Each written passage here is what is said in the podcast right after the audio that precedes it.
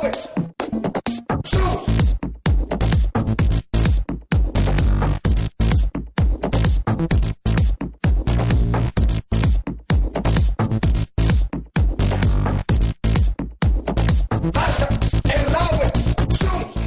säger vi välkomna till del två av genomgången inför årets Bundesliga. Del 1 finns ju redan ute, det är bara att gå in i er app och ladda ner avsnittet. Där gick vi igenom eh, de två nykomlingarna och lagen som slutade mellan plats 10 och 16 förra säsongen. Nu tar vi lagen som slutade från plats 9 till 1.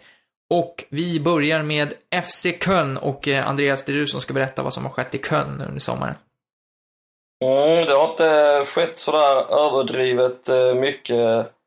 Eh, Köln slutade ju som bekant till slut nia i fjol då och har haft en ganska lugn sommar med Eh, få stora förändringar. Men eh, bland, ja, man kan väl säga att de har eh, fyra nyförvärv egentligen då i form av Zero Girassi från Lille, Marco Höger från Schalke, en pålitlig eh, centralmittfältare eller högerback för den delen. Eh, och eh, eh, Philips före detta favorit Artyoms Rudenevs längst fram då.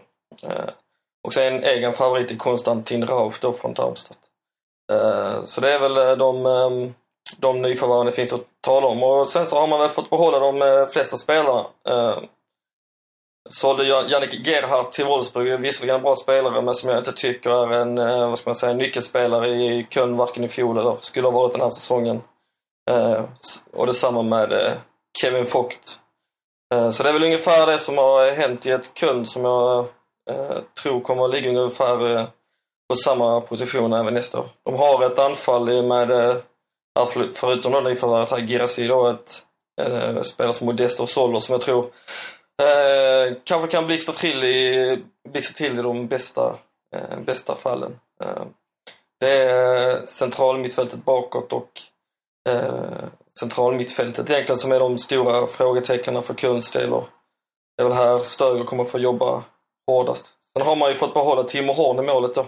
Än så länge ska sägas. Eh, och han kommer givetvis bli en nyckelspelare den här säsongen.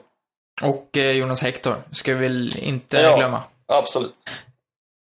Filip, eh, när du ser Köln, vad, vad har du för intryck? Vad tror du? liksom, vad tror du om det här? De har ju ändå växt till sig i Bundesliga-kläderna, om man säger så, de senaste säsongerna. Ja, precis. Det är ju lätt man glömmer att de eh, spelade i Sverige för inte alls så länge sedan. Nej, men jag, jag har ju tippat om nio år igen. Jag tror ju att man kommer göra en stabil säsong helt enkelt. Eh, att man har kunnat förlänga med både Horn och Hector var ju, var ju någonting som visar omvärlden att man har någonting på gång. Det sänder ju positiva signaler till resten av laget och till, eh, till klubbens supportrar. Och jag tror att i framtiden så kommer Köln kunna närma sig eh, Europaplatserna och slåss där, men det är för långt kvar just nu. Så, så en ny mittenplacering helt enkelt och det tycker jag är fullt godkänt. Mm. Eh, jag är helt inne på samma spår. Köln känns lite så som Norrköping gjorde innan SM-guldet. Sådär lag som alltid är med i högsta serien, men som liksom Ja, de hänger med. Det är, det är rätt trevligt. Det är ingen tycker illa om dem och de bjuder på rätt okej fotboll. De, de är liksom... Fan, jag hatar Norrköping. De är, ja men... Nej, jag skojar. de, Köln är liksom, de är helt okej. Eh, de, de är inte dåliga, de är inte superbra. De har en bra tränare, de har ett rätt okej spelmaterial och som ni säger, de har fått behålla det mesta av sin stomme. Så att jag, jag tror också att de kommer placera sig i mitten av tabellen. Jag hade ju velat egentligen kunna säga att de ska lyfta sig lite, men med tanke på att det finns så många lag i Bundesliga som har förstärkt den här sommaren rätt rejält eh, och kan inte riktigt ha gjort det så på samma sätt så, så har jag svårt att det ska bli bättre. Men där runt plats 10 som förra säsongen när de slutade nia, det, det tror jag med. Framför Köln förra säsongen så hamnade ett lag som kanske var, ja, vi kan väl sammanfatta det som att det kanske var årets stora besvikelse. Wolfsburg. Och i Wolfsburg så har det skett en hel del i sommar, eller hur Filip? Det har det ju gjort, ja. Ehm, förra säsongen som sagt var en stor besvikelse. Säsongen innan dess så slutade man ju tvåa i ligan och var under ett tag nära att bräcka Bayern München kändes det som. Man vann ju dessutom eh, DFB-pokal och eh, Supercupen så... Så man klev in med, med ett stort självförtroende men lyckades inte alls få det att stämma och... eh, har blivit av med en del nyckelspelare nu under sommaren. Eh, uh, Schürrle har gått till Dortmund, Kruse har gått till Bremen. Eh, och mittbackspartnerna eh, Dante och Naldo har då försvunnit till Nice respektive Schalke så Så det är fyra någorlunda tunga tapp där väl Schürrle och Naldo sticker ut något. eh. Och sen på fronten spelarna in så har man ju då värvat Gerhardt, Broma och eh, och att inte glömma Mario Gomez som blev klar nu häromdagen eh, dagen bara. Och just värvningen av Gomez är väl ett, eh, är väl det som, eh, som har räddat klubbens eh, sommar, ska man väl säga. För eh, utan honom så tror jag att det hade blivit en desto dystrare säsong än vad det kommer att bli nu. Eh, han och Draxler som där sa att det blev kvar trots att han har försökt, eh, försökt komma bort från klubben. Så de två tror jag kommer att kunna leverera mycket i offensiv väg och vi kommer att få se eh, både mål och assist från de två. Eh, så, så jag tror faktiskt det kan bli en ganska så, så rolig säsong för Wolfsburg men, eh, men någon men någon Champions League-plats blir det inte utan man får nöja sig med en eh, sjätteplats i mina ögon. Mm.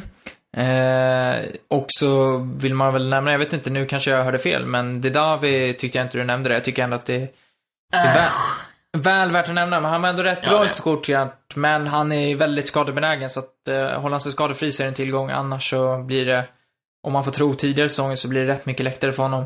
Eh, jag vet inte vad du säger Andreas, men när eh, basisterna slutar spela i bakgrunden till Filip, det känns inte lika... Han tappar spetsen. Ja, man säga. lite får man säga. Men eh, ja. Men jag håller med, jag håller med dig Filip. Med Gomes så känns det som att lite föll på plats i Wolfsburg. Det känns som att det helt plötsligt blev ett annat tryck. Och det känns som att hela klubben fick ett lyft rent mentalt av att få in Gomes efter hela den här Draxler-storyn och att man har tappat allt. Så att, eh, sen Man ska man... säga att de har fått behålla sin stum, eller stumme egentligen här på mittfältet med Gustav och eh, så har ju Gylvugui med reservation för uttalet där blivit eh, inköpt från eh, Madrid också så så jag tycker väl ändå att det är ett ganska så, så starkt lag. Dessutom så är nu Son då på väg in från Tottenham. Eh, så kommer han också så ser det ju helt plötsligt riktigt bra ut. Men, eh, men ja, man kan, man kan ju inte överträffa den säsongen man gjorde för två år sedan. Det tror jag inte. Nej, det, det lär bli svårt. Eh, Jag vill bara lägga till det på Gomes. Jag tyckte det var lite komiskt när han sa att han hade han helst ville till en Champions League-klubb, men det blev Wolfsburg ungefär. Det var verkligen så här, ja, det här var min, det här var superplan B liksom. Det var inte, Money talks. ja, det här var inte liksom min dröm. Eh, jag tror att Wolfsburg kommer lyfta sig. Jag tror att de kommer garanterat nå Europa League, men jag tror inte de är tillräckligt redo för att slåss om Champions League, sett till de andra klubbarna som finns i ligan och sådär. Ehm, där tror jag att det finns andra som är bättre ämnade för att nå de där Champions League-platserna. Vad, vad tror du, Andres? Uh, ja, rent tabellmässigt så tror jag detsamma. De kan möjligtvis prova att nosa Champions League-platserna. Uh, tycker nu när Dante försvinner här så har man en lucka att fylla. Även om jag inte tycker att Dante har haft någon kurva uppåt de, eh, senare, sedan, han lämnade, sedan han lämnade Bayern München. Då. Eh, framåt ser det ju fantastiskt eh, intressant ut i alla fall med både Blasjukovskij och Gomes och så vidare. Men jag tycker att en till eh, mittback in för att stärka upp eh, försvaret och eh, sen får vi se hur man lyckas sy ihop det här laget. De har lite samma problem som, som Dortmund har, som jag kommer till senare. Då. Mm. Eh, det blir spännande att se, men det känns som att Wolfsburg är lite en annan kraft den här säsongen. De borde ha varit i förra säsongen, men nu, nu känns det som att de är inne i det igen. Eh, vi lämnar Volkswagen-fabrikerna i väst och eh, går till huvudstaden i eh, nordöstra Tyskland och där har vi ett Hertha vars sommar inte har varit sådär superaktiv eh, trots att de slutade på en eh, sjunde plats. Andreas, eh, vad har skett i huvudstaden under sommaren? Mm, det är ju det Hertha har missat efter sin eh, succésäsong i fjol får man väl säga ändå, där de länge såg ut att gå mot en Champions League-plats men slutade till slut sjua. Eh, och det de har missat är väl att eh, när man är ett topplag så måste man hela tiden förstärka sig och det har man ju inte gjort i, i år då. Eh, den egentliga enda värvningen att prata om är väl eh, Andrei Duda från eh, eh Legia Warszawa och Eh, Eh, det är väl ingen eh, spelare som eh, man känner till så här jättebra här än så länge. Vi får väl se lite vad han visar.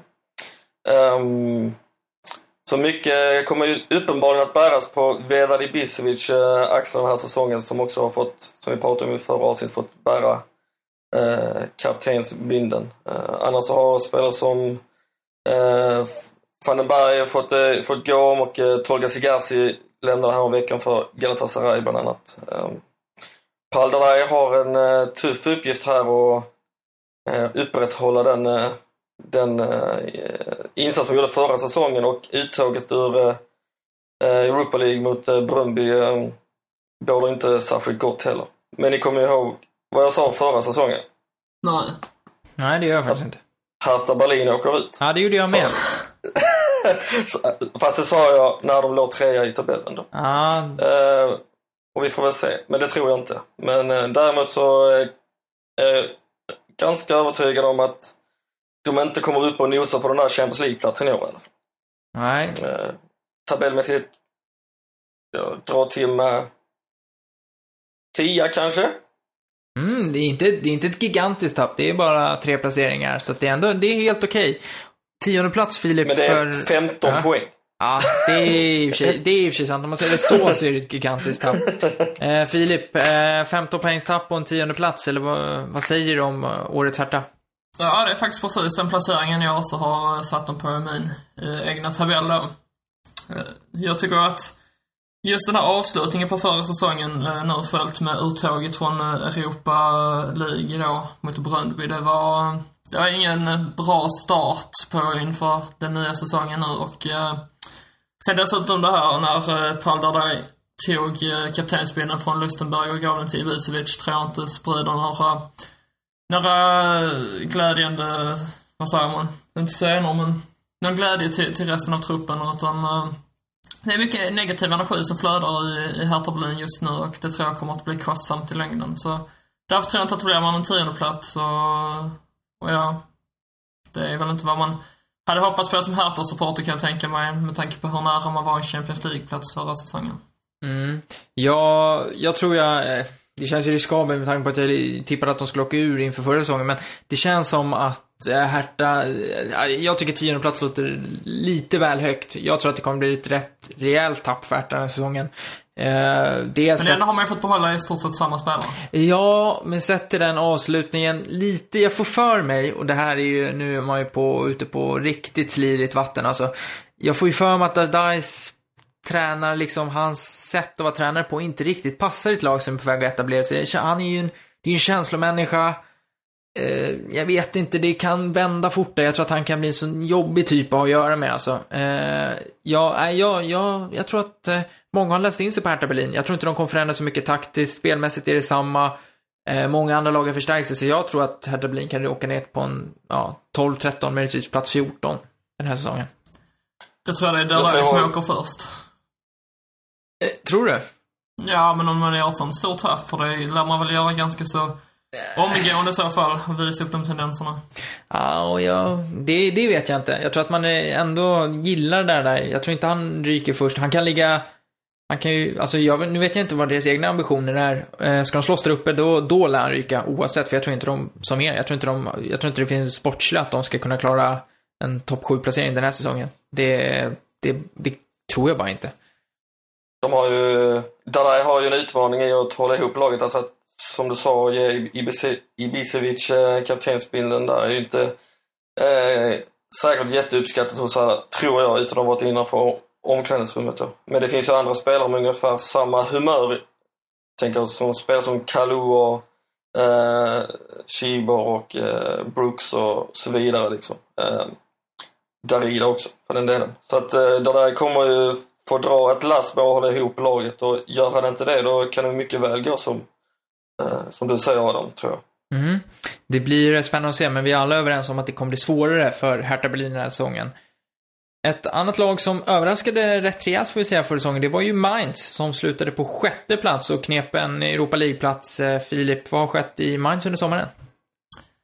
Eh, inte så värst mycket faktiskt på övergångsfronten. Man har ju dock blivit av med Loris Karius till Liverpool, målvakten, och eh, lagkaptenen Julian Baumgartlinger. Så visst, det är två tunga tapp, men eh, överlag känns det väl ändå som att man har klarat sig ganska så, så bra undan från de här eh, andra spelarförlusterna. Uh, eh, spelarna som kommit in är väl egentligen ingen värd att nämna mer än uh, Cordoba från Granada som som var inlånad under förra säsongen, anfallare då. Utan det största tappet som uh, jag tror kommer bli mest påtagligt i längden, det är ju sportchefen Heidel som har försvunnit till Schalke. Och det är han som har lyckas hitta de här uh, stjärnvärvningarna, de här okända spelarna som sen har blommat ut i Mainz och, och blivit riktigt duktiga. Nu helt plötsligt så har man tappat honom och det kommer svida tror jag. Uh, visserligen har man fått behålla den duktiga tränaren Martin Schmidt men, men frågan är hur länge han blir kvar där också om det börjar uh, gå dåligt. Mm. Uh, Hur, ja, tror, alltså- du- hur tror du de kommer klara liksom kombinationen Europa League-Bundesliga? Det är ju alltid en, eh, en tuff utmaning. Vi såg ju Augsburg förra säsongen till exempel som inte alls eh, fixade det. Och det känns som att Mainz skulle kunna hamna i samma sits. Man är helt enkelt orutinerade, truppen känns väl... Alltså, den, den är inte tunn egentligen, men, men det är samma sak som där som jag sa med Augsburg. Får man lite skador på sina nyckelspelare så, så finns det ändå en tendens till att det kommer, till att det kommer bli eh, tufft att hitta ersättare och det kan bli kostsamt. Så jag tror väl inte att man kommer att- greja det helt och hållet. Eh, dock så, så har jag tippat Mainz på en, eh, på en sjunde plats. Eh, jag tror man åker ut i gruppspelet redan i Europa League och sen har man då hela våren på sig att fokusera på ligan och det kommer räcka till att, till att ta sig så pass högt upp. Mm. Vad eh, tror du om Mainz säsong, Andreas?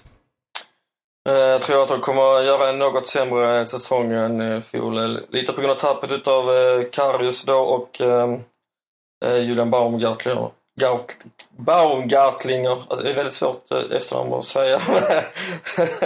uh, och uh, jag känner väl lite att uh, om Hertha var sönderläst så tror jag att Martin Schmidt också kan vara ganska sönderläst här nu och man har många luckor att släppa till bakåt.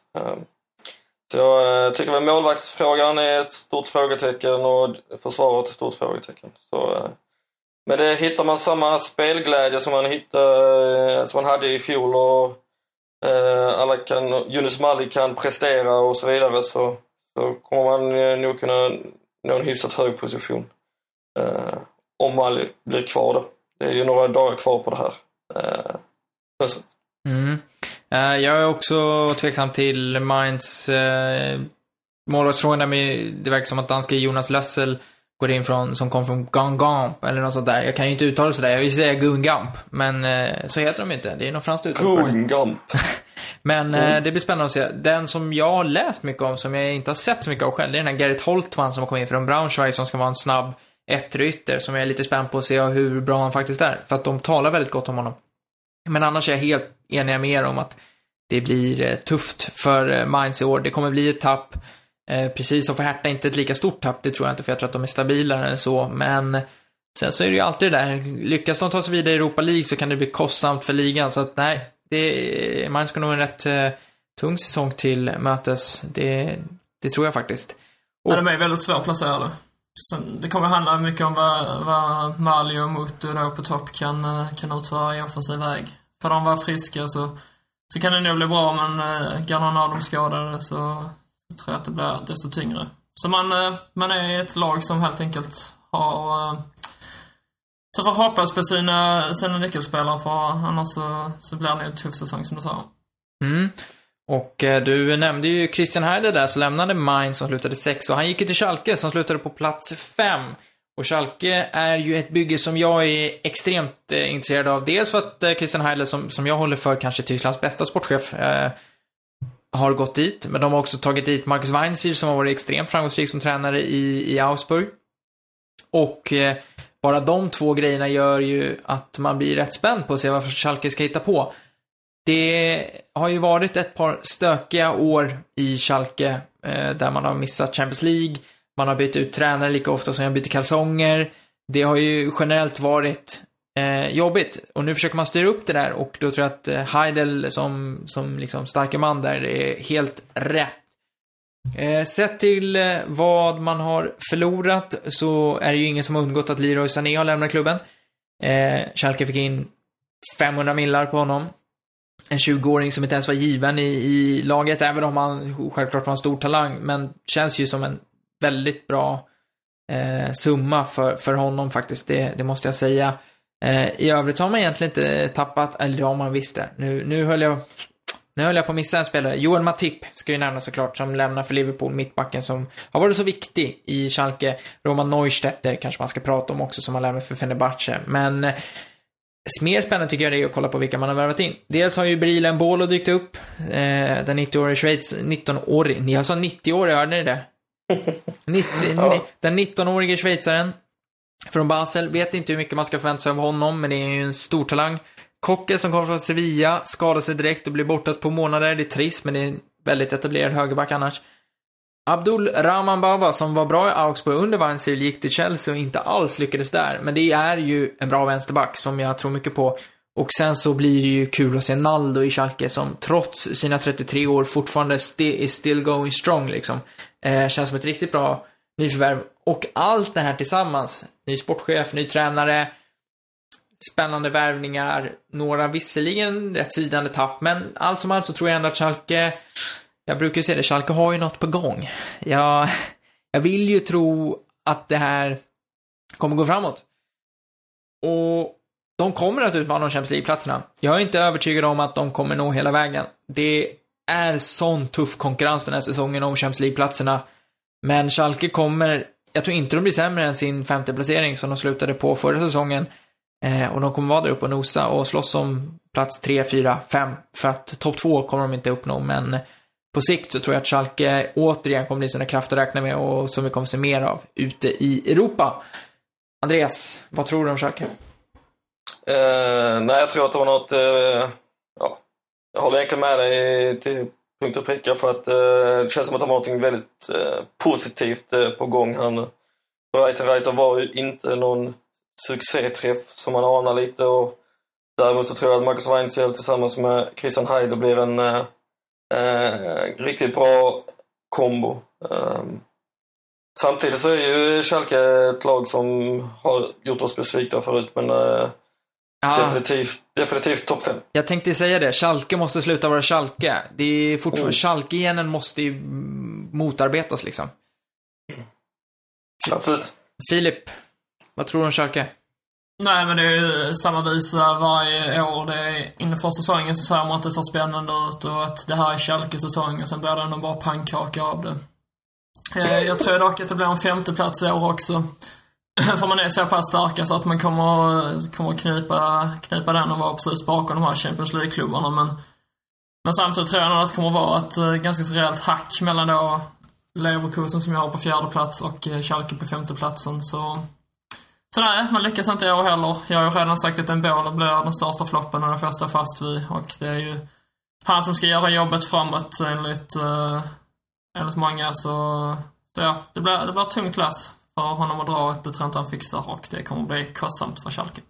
Det, det är sjukt att du säger det där med att de faller som en pannkaka och ändå slutar femma. Men jag Men, håller, alltså- jag, håller, nej, men jag håller ju med dig. Men det är konstigt att man upplever det så, trots att det egentligen inte, det, det sällan är en katastrof. Men det är ju för att det är så mycket negativitet runt omkring klubben. Lite som ditt kära Hamburg, att det blir, det blir så mycket runt omkring snarare än det sportsliga som, som man liksom, som blir Och dåligt. så ändå redar man ut den här femteplatsen till slut. Men, Ja men målet är, målet är ju att beblanda sig där i topp 4 och nå en Champions League-plats. Och, eh, och inte göra det får man ändå betrakta lite som ett misslyckande faktiskt. Absolut, håller jag fullständigt med om. Eh, som sagt, Schalke kommer vara kvar i toppen, men eh, vi är väl tveksamma till om de når Champions League. Ett lag som eh, har nått Champions League eh, är ju Borussia Mönchengladbach som eh, kvalat sig vidare den här eh, ja, inledningen på den här säsongen. De eh, slutade ju på fjärde plats förra säsongen, eh, Filip, och eh, under sommaren så har det skett lite saker där i Gladbach. Har den? Ja, det får man ändå säga tycker jag. Jo, men det har det ju. Det största som har hänt är väl egentligen faktiskt att lagkaptenen Granit Xhaka har lämnat för Arsenal.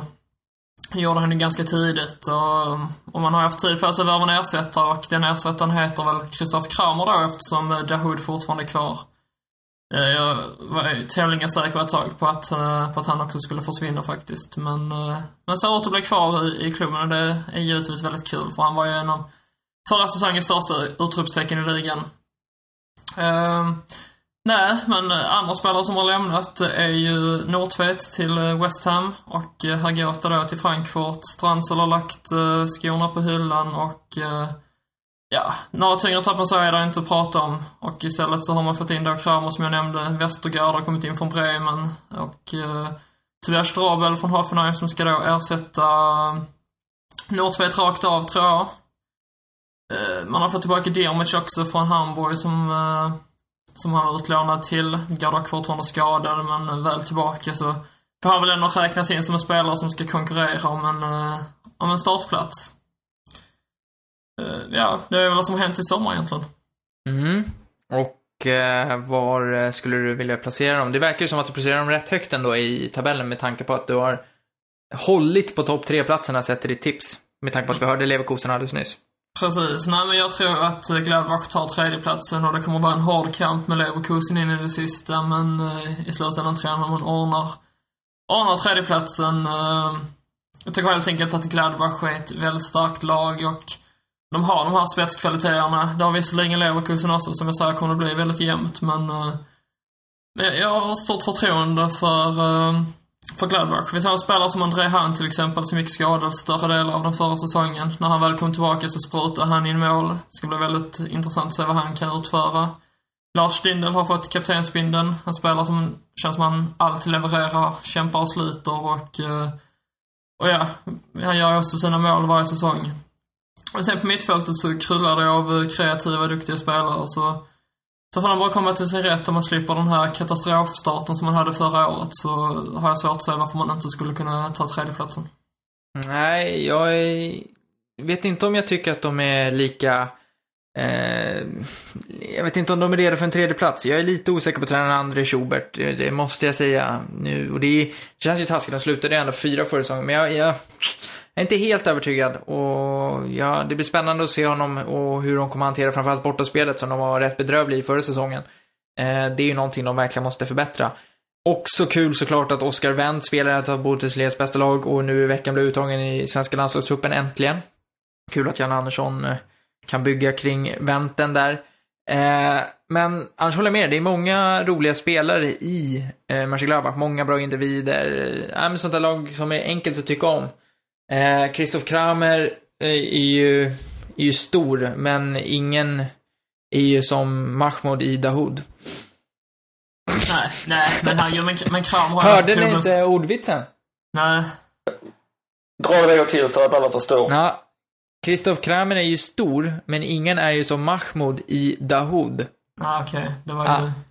Ja, jag tyckte det var lite kul, men eh, Ja, verkligen. när, när man sitter med en göteborgare här så tycker man att eh, den borde, den borde falla rätt. Ehm, Du sitter med två skåningar och inget Ja, annat. precis. Ja, ja, du bor- fan du- jag skojar här. Du, du bor ju i Göteborg, Andreas. Du har gjort det länge nu. Ja, jo, det är visserligen sant.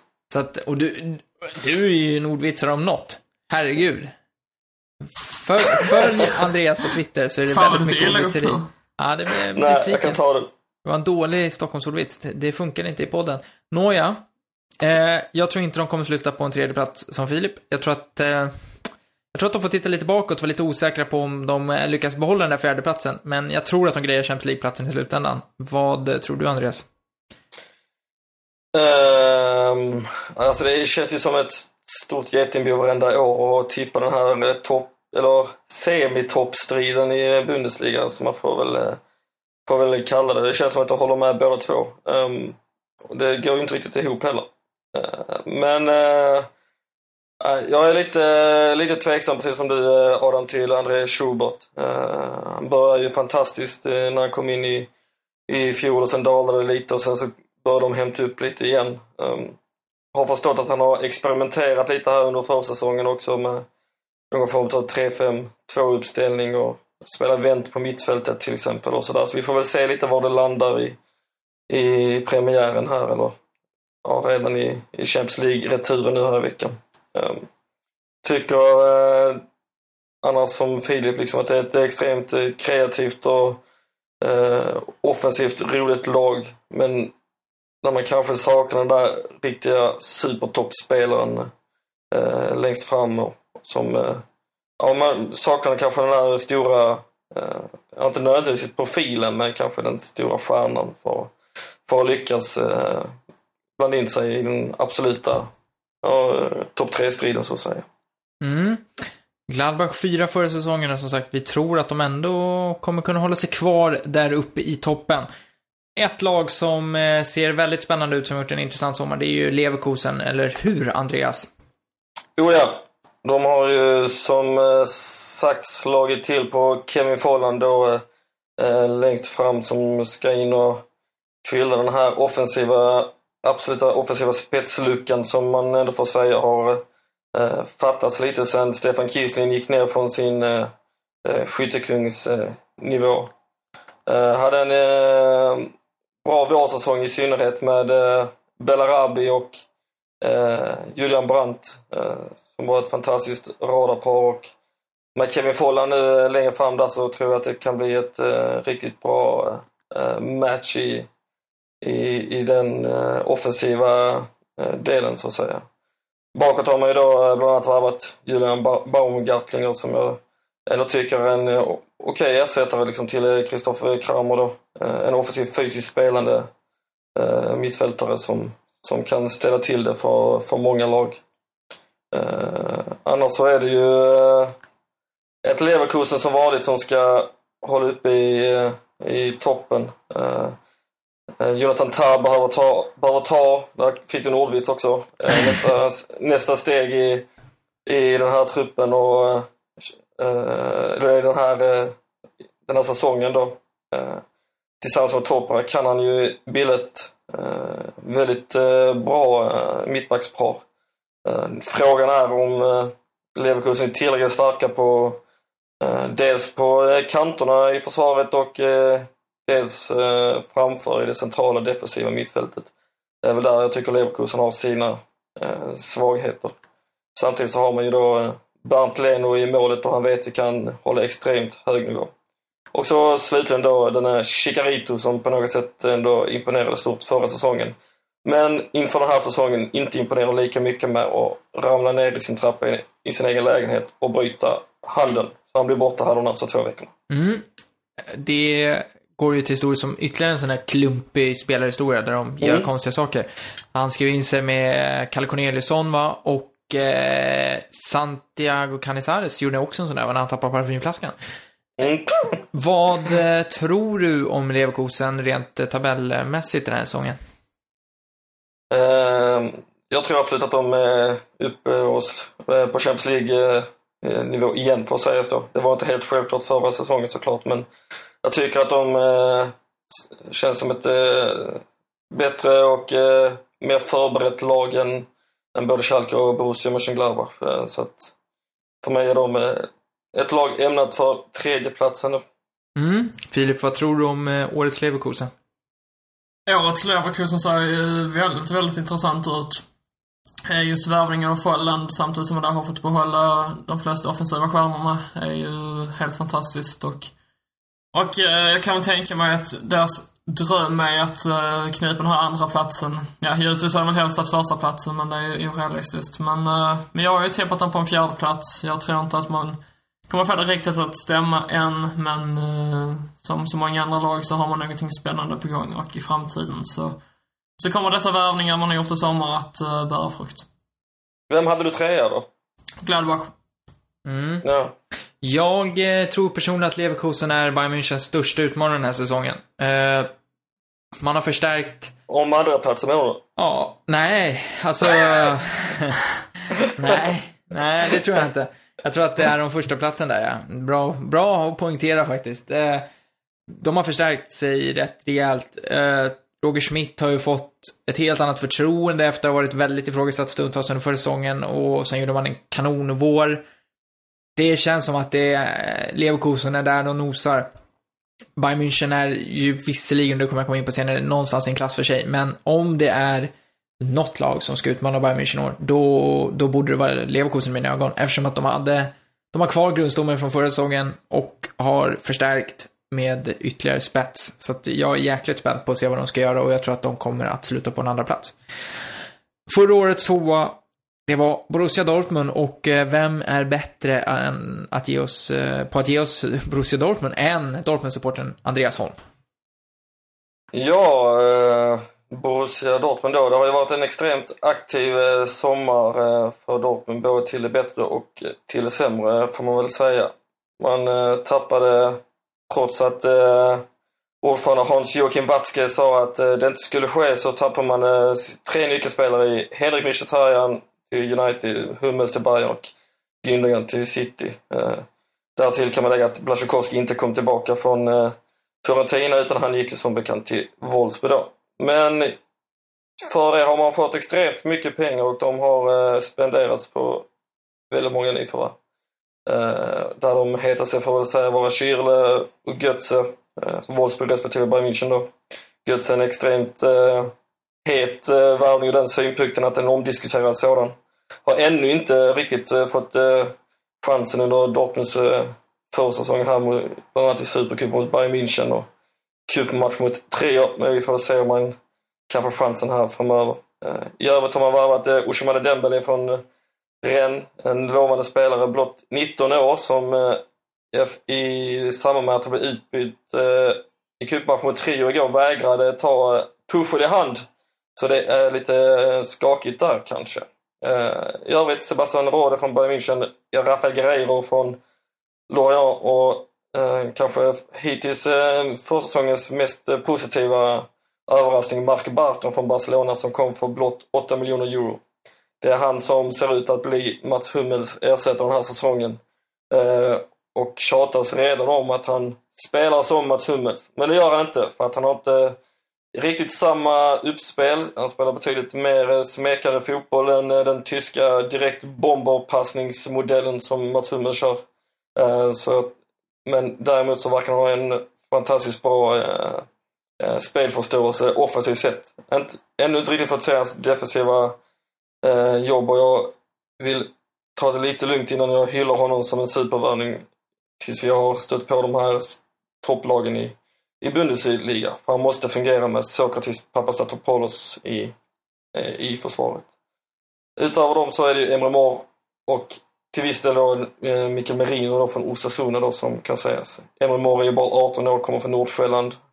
Eh, spelade för Turkiet i, i EM och eh, har redan blivit en publikfavorit. Men jag har svårt att säga att han kanske ska bli den här eh, spelmotorn redan eh, den här säsongen. Så, eh, men det finns några frågetecken för, eh, för, även för Dortmund och dels är det den här extrema spelaromsättningen då. Eh, Tuchel har många valmöjligheter, många stjärnor och måste eh, se till att hålla alla nöjda. Eh, och måste framförallt se till att hitta ett spel som, eh, som gör att det fungerar. Uh, har testat, eh, uh, Tuchel har testat lite med att spela Ramos mycket här under försäsongen. Tror inte att det är aktuellt att han kommer att spela särskilt mycket sedan utan att det är nu när Royce är skadad om man inte riktigt vill spela det slut på, uh, på alla sina spelare. Uh, så det är väl framförallt den, den utmaningen som Dortmund har i år. Och det handlar också om att Tuchel inte får förbruka Aubameyang här nu när med tanke på hans fjolårssäsong. Utan det är viktigt att låta Aubameyang vara den här spetsspelaren han var i fjol och se till att han kan fortsätta att producera mål. För det är faktiskt fortsatt så att han är vår, het, vår Dortmunds hetaste eh, anfallsvapen. Mm, och Det var det. eh, kan de utmana Bayern München i mål? Eller ska de kolla? Eh, ja, men jag tror som du att Bayer Leverkusen är väldigt nära Dortmund. Uh, Bayern München får vi väl säga, det finns några frågetecken där också, men de är fortfarande ett betydligt bättre lag än eh, Dortmund. Jag tycker skillnaden är minst lika stor som den var förra säsongen. Eh, det som kan vara till Dortmunds fördel i den kampen är väl att Bayern har en ny tränare och man kan väl hoppas då ur Dortmunds supporters synvinkel att det skär sig lite på sina håll i Bayern München då. Jag tror att absolut att Dortmund kan vara ett hot, vilket de var förra säsongen under en viss del också. Men det är svårt att säga att det kommer att räcka hela vägen tyvärr. Men eh, om lag som Schalke och Mönchengladbach och Leverkusen har blivit bättre också kanske de kan ta fler poäng utav Bayern München än vad de har gjort tidigare. Eh, och det kan ju också öppna upp för att fler lag blir inblandade i den här anfallskampen. Då. Så att, eh, eh, jag vill gärna tro att Dortmund kan vara där och hota, men jag är inte riktigt helt övertygad så här långt eh, på försäsongen. Så eh, får vi väl se om jag säger något annorlunda efter fyra, fem omgångar. Mm. Filip, eh, vad säger du om Dortmund? Nej, men det blir andra platsen Precis som förra säsongen. De är inte bättre än så va? Ska man förlora mot HSV så, så vinner man ingen liga. Nej, det har du ju rätt i. Nej, men alltså, kollar man då på övergångsfönster så har de spelare man har blivit av med då, det är ju många tunga tapp i Hummels, Mkhitaryan och uh, och en till som jag har glömt nu. Gündogan. Precis, tack. Eh, men sen, sen när man kollar spelarna som kommit in så är det ju samtliga också intressanta namn. Så, så, så ja, Dortmund har ju som så många andra klubbar som tidigare har sagt någonting spännande på gång. Men det tar ju lite tid att forma ett lag också och, eh, och den här säsongen eh, så får man nog ägna mycket tid åt det, att eh, svetsa samman laget och sen i så fall köra vidare nästa år igen och hoppas att det eh, eh, hoppas att det är då man kan utmana Bayern München på allvar. Mm. Jag, eh, ja, jag är väl inne lite på samma sak som er. Det är ju en enorm spelaromsättning. Det är ju liksom ett Fifa-transferfönster. Eh, som, är, som man bara gör på tv-spel, när man byter ut halva truppen och sätter till en ny trupp och satsar på unga spelare för man tänker att deras potential är så jäkla hög så att det här ska ju löna sig i längden. Ja, det var faktiskt en väldigt bra liknelse. Ja, nej men det, det är ju ett sånt utan dess like och det som gör mig tveksam till Dortmund, det, de har, alltså Tuchel är en fantastisk tränare, det har han bevisat förra säsongen var otrolig i, i Dortmund. Eh, det kan ingen ta ifrån dem eller Tuchel. Jag är lite tveksam till hur snabbt det kommer ta för honom att implementera alla sina, de här nyförvärven i, liksom, i sitt spel.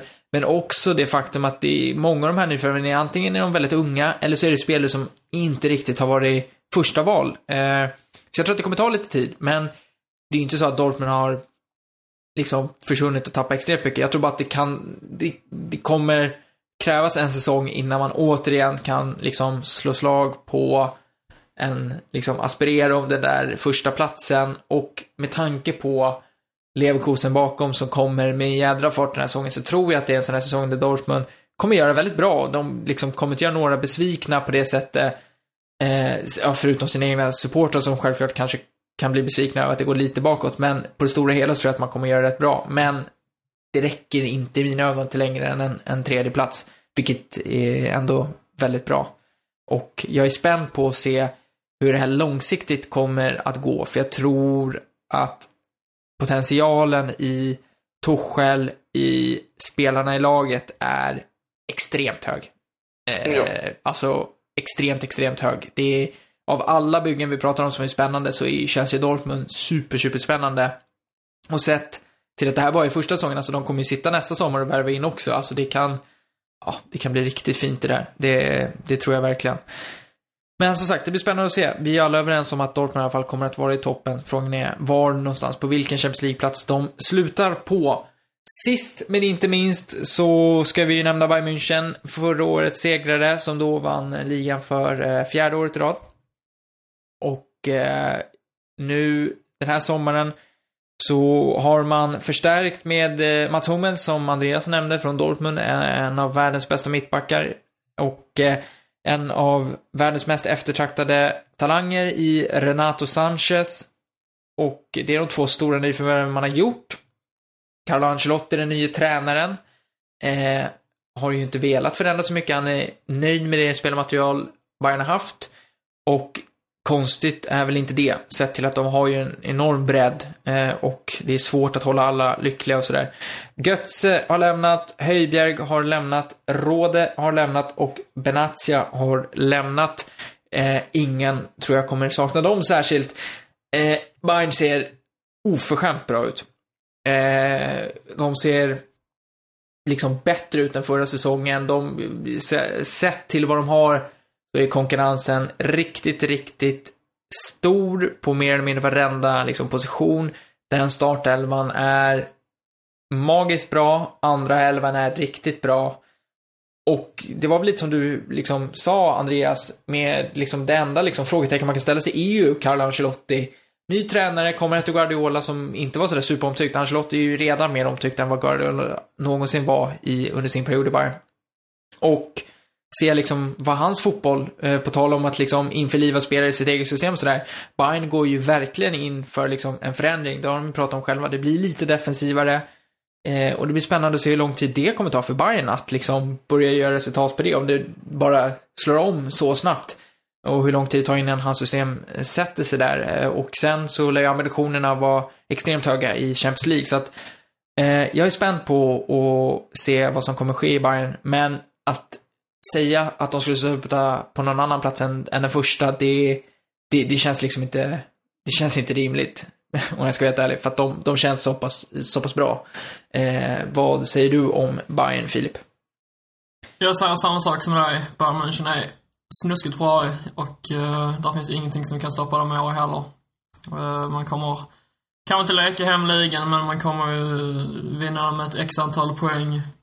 Framför tvåan som jag tror blir Dortmund, precis som tidigare år.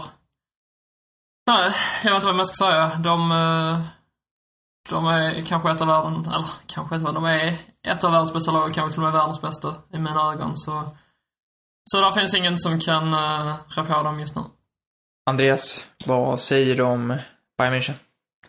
Nej, men det är väl bara att stämma in i den uh, Eh, kören. Eh, känns inte som att det blir sämre med Carlo Ancelotti. Eh, som dessutom väcker Frank Ribéry till liv. Eh, så att, ehm, så är det ju.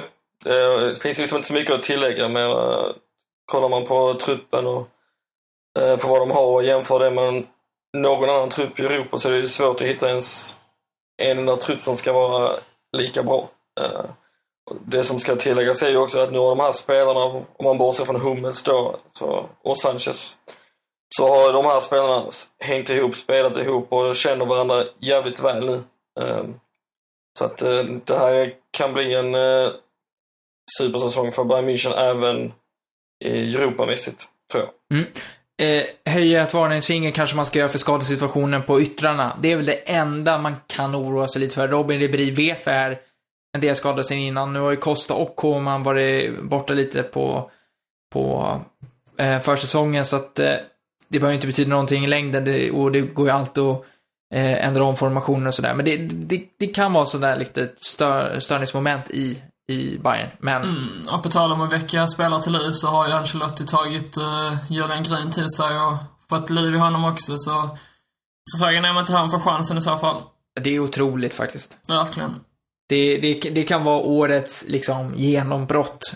Eller om man ens kan kalla det det. Jag vet inte vad det skulle vara om han skulle komma in och visa sig liksom lyfta och lyfta en plats liksom. Ja, verkligen. Och då är man, vad är han, 21 liksom? Nej, men 23 kanske. Nej, 21 ja. Han, han är det. Ja, men ni ser. Det, nej, det vore ju något. Men som sagt, nej, Bayern München känns ju, ja, otroligt bra. Så att det finns väl inte så mycket mer att säga om det. Jag tänker bara så här lite generellt eh, som en liten avslutning på den här andra delen av eh, inför liksom Bundesliga-säsongen. Eh, på fredag så har vi Bayern Bremen. Det är lite premiärhelg, jag tycker inte vi ska prata mer om det, utan vi tar det kommande vecka, så ser vi hur det har gått. Eh, men, alltså generellt, vad, vad, vad känner ni inför den kommande säsongen när ni ser på ligan och liksom, uh, ja, vad, vad, ser ni fram emot? Vad, vad hoppas ni på? Vad, vad tror ni om Bundesliga 2016-2017? Andreas? Eh, det jag känner är att det förmodligen inte kommer att sluta alls så som vi tror och som vi har sagt i, i de här avsnitten då. Och så brukar det ju vara. Och det är det man önskar. Uh, ja. ja det, Gör det det, då är vi ju experter på riktigt. Ja, precis. Framförallt har vi liksom tyckt uh, ungefär lika det mesta. Ja. Men um, Nej men det är den här ständiga överraskningsmomenten i Bundesliga. De små skandalerna som dyker upp och den fantastiska uh, Eh, kulturen där runt omkring som inför varje år. Eh, I år lite speciellt. Vi har eh, Leipzig som kommer upp och vi har Streich tillbaka i Bundesliga. Ringer lite hetare när Darmstadt och Ingolstadt klampade in, även om de verkligen tog för sig. Så är det ju som sagt frågan om vilket lag som blir fiaskolaget och vilket som blir succélaget. Det är samma positiva tankar inför varje säsong tror jag.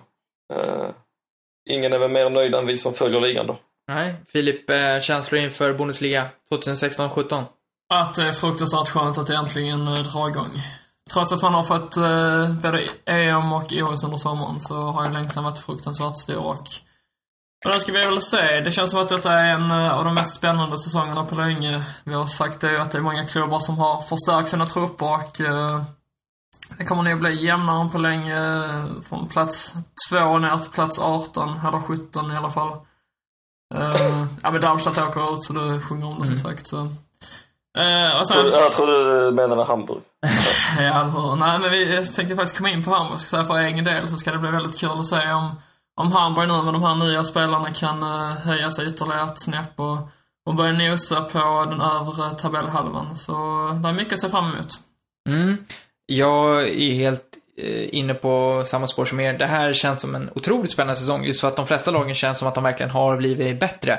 Inte minst i, i toppen, men även där nere. Det, det känns som att det finns många, många lag som blir spännande att se, för de har, som, som jag alltid säger, de har någonting på gång. Men det, det känns som att det är flera klubbar som verkligen har det. Som verkligen har värvat intelligent och som, som har använt den här sommaren väldigt, väldigt väl.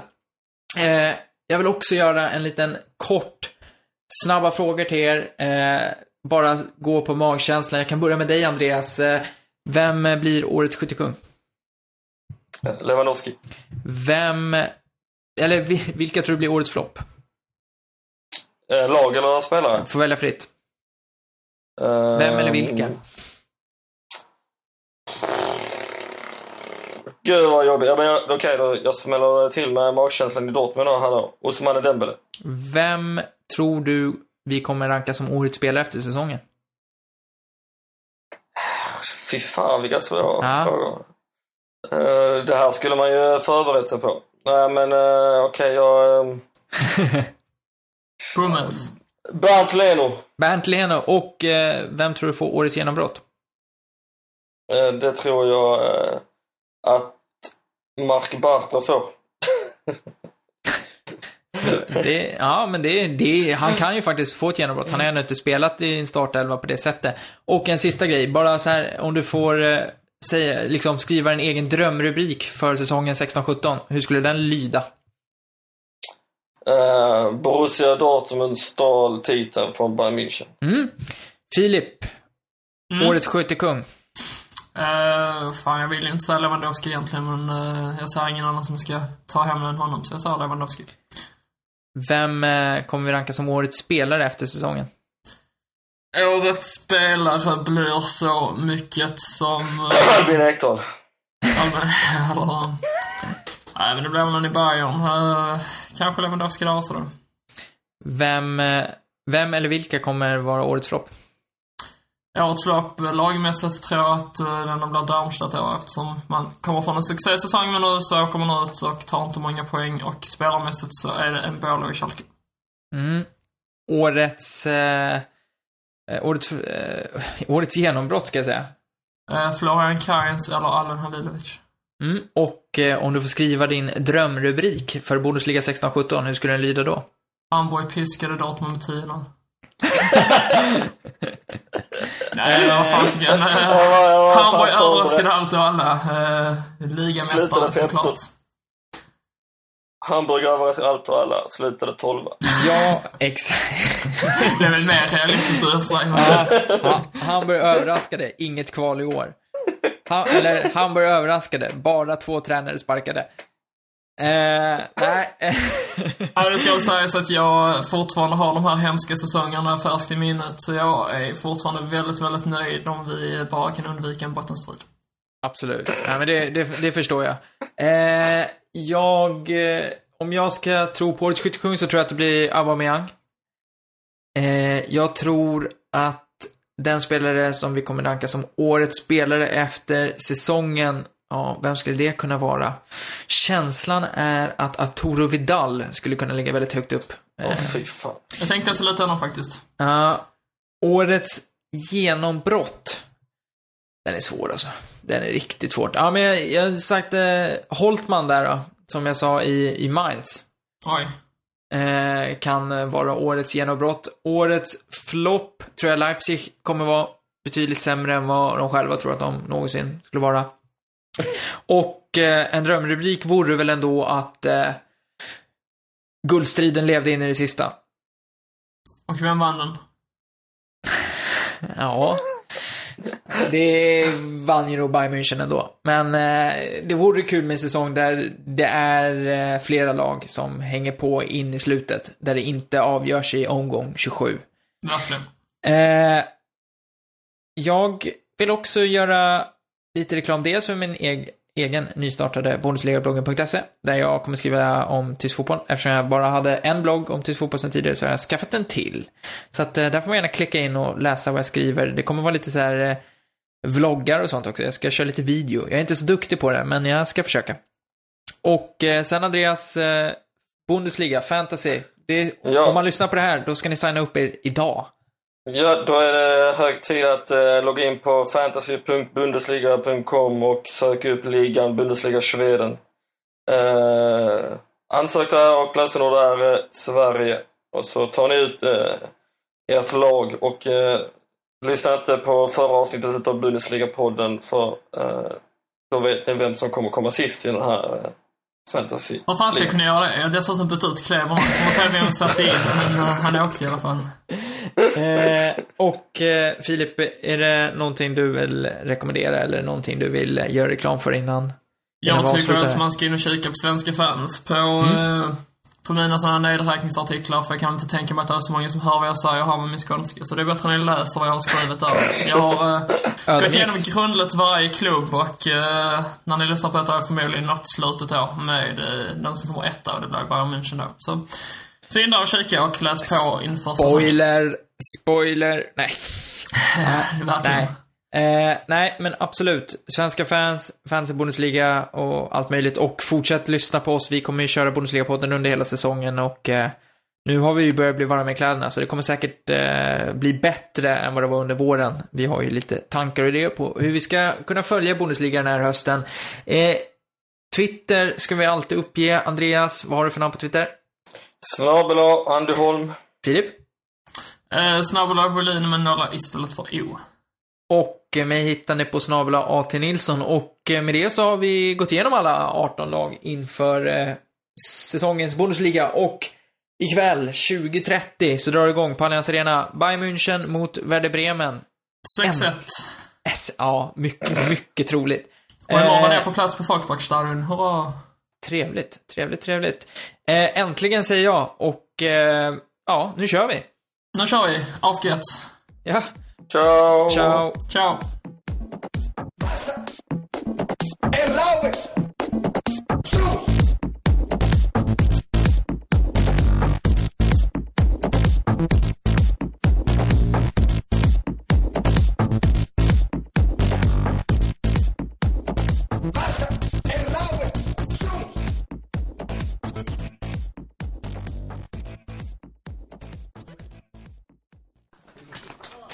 Fertig.